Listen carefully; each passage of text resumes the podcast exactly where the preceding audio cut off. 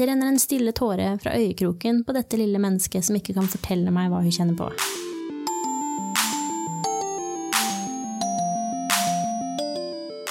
Hei, og velkommen til Sykepleiens podkast. Hva er egentlig sykepleie? I forbindelse med en spesialutgave av tidsskriftet Sykepleien, så har vi fått seks sykepleiere til å forsøke å nærme seg et svar på dette korte og kompliserte spørsmålet. Her er bidraget til Kine Berglund, som er spesialsykepleier på sengepost for elektiv ortopedi ved St. Olavs hospital i Trondheim. Teksten har tittelen En hverdag på hospitalet. Hverdagen på hospitalet, rom 1. Har du først fått en infeksjon, øker sjansen for å få det igjen, men noen er mer uheldige enn andre. Jeg hjelper han i dusjen for niende gang. Han kan forberedelsene utenat, men vi går gjennom alt allikevel.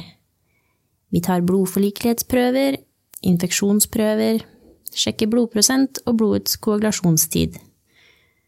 Blodprosenten er lav. Jeg bestiller to poser blod til operasjonsavdelinga.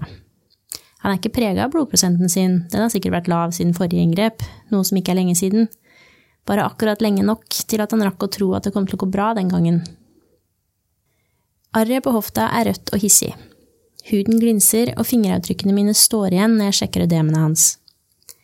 Da han kom, hadde han feber og nedsatt allmenntilstand, men natt til i dag sprakk såret, og det tømte seg rikelig med puss. Det etterlot ingen tvil om behovet for reoperasjon, men formen ble bedre, i hvert fall. Han klarer egentlig alt sjøl, men jeg blir hos den uansett. Kropp og hue vet hva som skal skje, men det tærer på sjelen å bli skuffa åtte ganger på rad, og så gjøre seg klar til dyst atter igjen. Vi snakker om været, jeg oppdateres på barnebarna, de er hans store glede, jeg fokuserer på dem. Nattbordet hans er tomt, bortsett fra et kort fra dem. All mat og drikke er fjerna, det nærmer seg nå, og han får ikke innta noen ting disse siste timene før inngrepet. Sånt blir man tørr i munnen av. Jeg tilbyr en ekstra tannpuss. Han er sliten og lukker øya. Klokka tikker og går, og han venter tålmodig. Tre biter inn i lunsjen min ringer de fra operasjon. Dere kan komme ned nå. På operasjon møtes vi av flere grønnkledde. Han får et varmeteppe over seg og hette på huet mens han blir spurt om personnummeret sitt for 76. gang. Anestesisykepleieren kjenner han fra før. Det fremkaller et smil. Jeg gir en kort rapport før jeg klapper den på skuldra. Ser deg etterpå. Rom to. Hun har vært pasient hele livet. Foreldrene hennes er på fornavn med hele barneklinikken. Hennes cerebrale parese gjør at hun har lite språk og mye spasmer i kroppen. I tillegg har ryggsøylen hennes vært forma som en S. Derfor er hun her. Hun har blitt retta opp. Operasjonsåret hennes går fra nakke til korsrygg, Røntgenbildene viser skruer og stag langs hele lengden av ryggen hennes. Noen ganger er ortopedi glorifisert snekkerarbeid. I dag er første dag hun skal opp av senga etter operasjonen. Hun gruer seg, sier mor.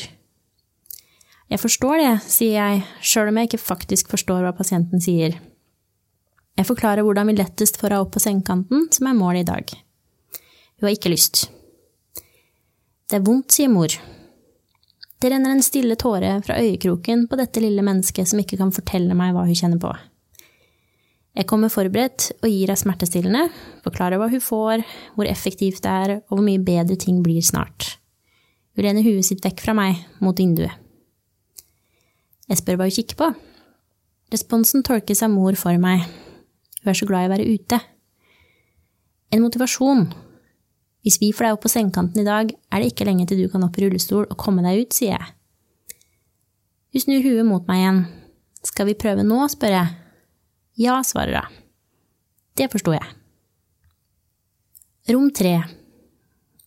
Jeg går langs en korridor av enerom med skyvedører på gløtt. Stille mennesker i blått sitter bak små skrivebord ved store senger. Pasienten min er klarert av anestesilege og skal flyttes fra intensiven tilbake til sengeposten. Hun er nesten ikke til å kjenne igjen. En heftig infeksjon ga blodforgiftning.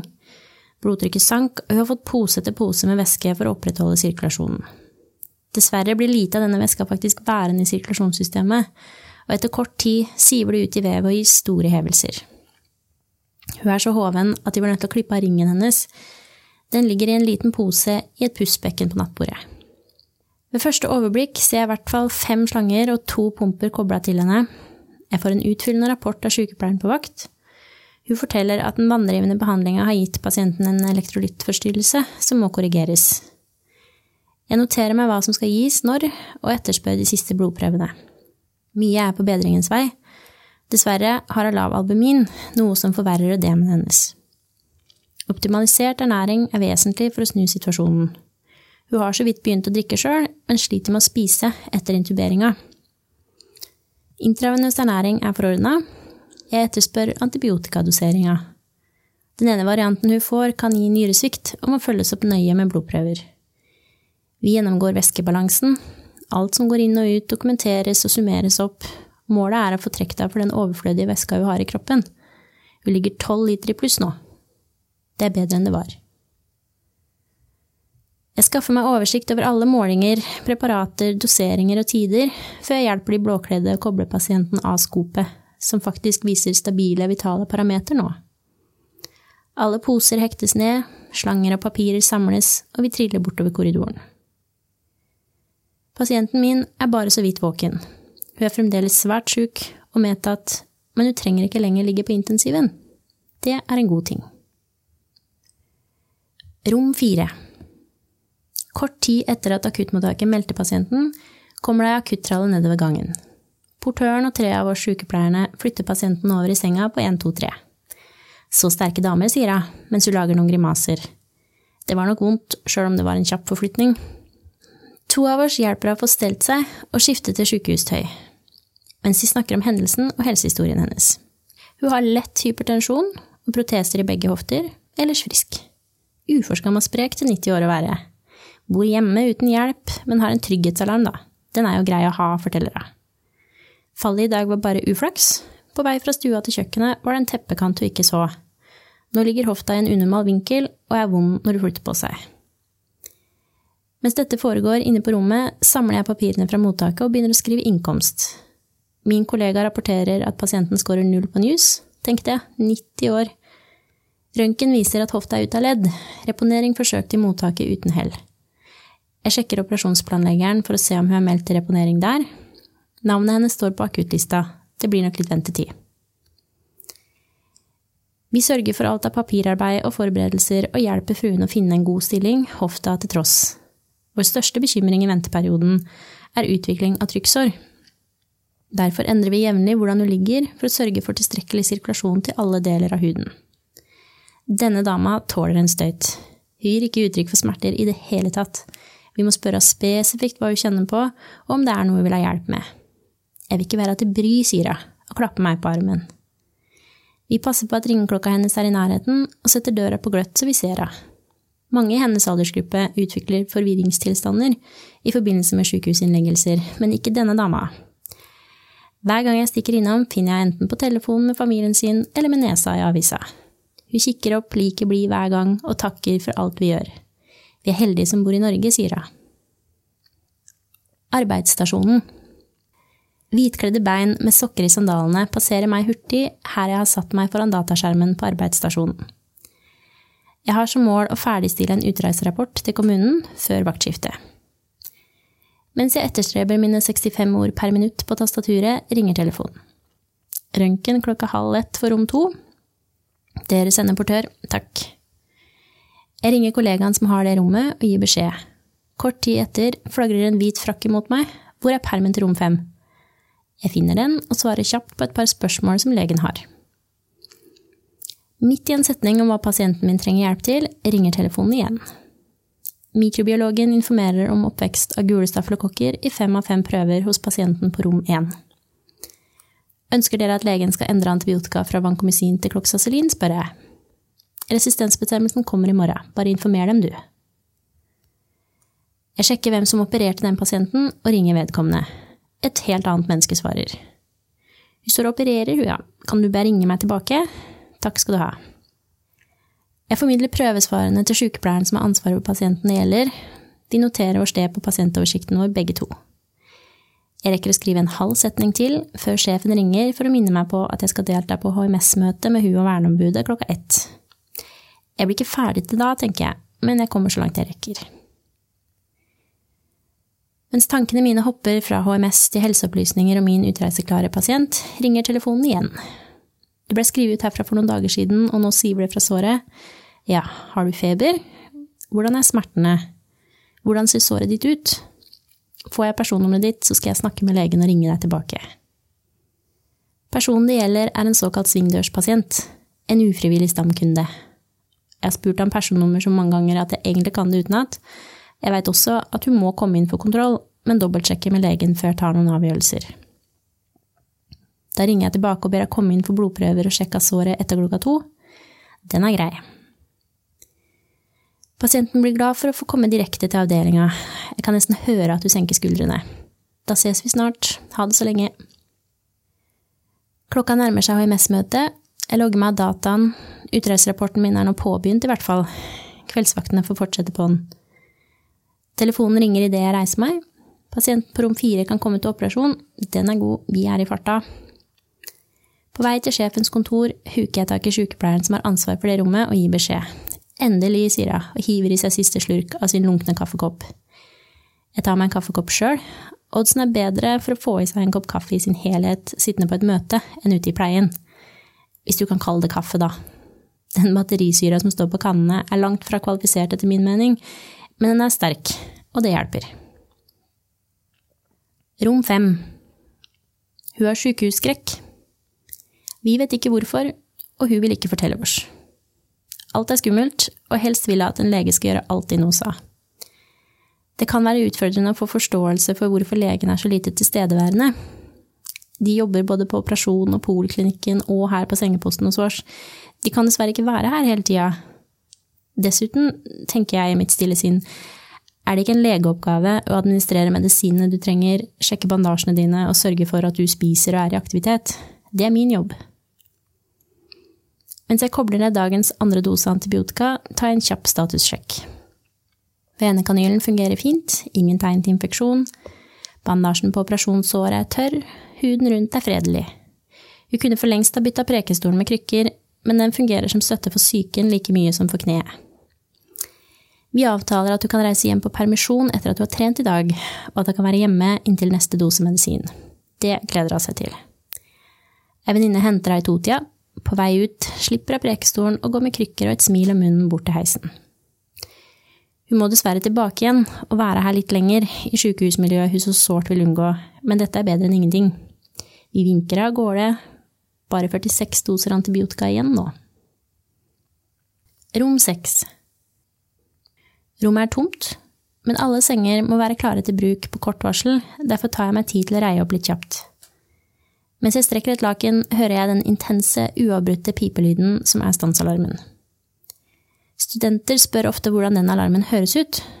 Vi viser dem alltid, men denne lyden er umulig ikke å reagere på når den utløses. Jeg kikker på displayet, Rom tre, pokker. Håper det er falsk alarm, tenker jeg mens jeg løper nedover gangen.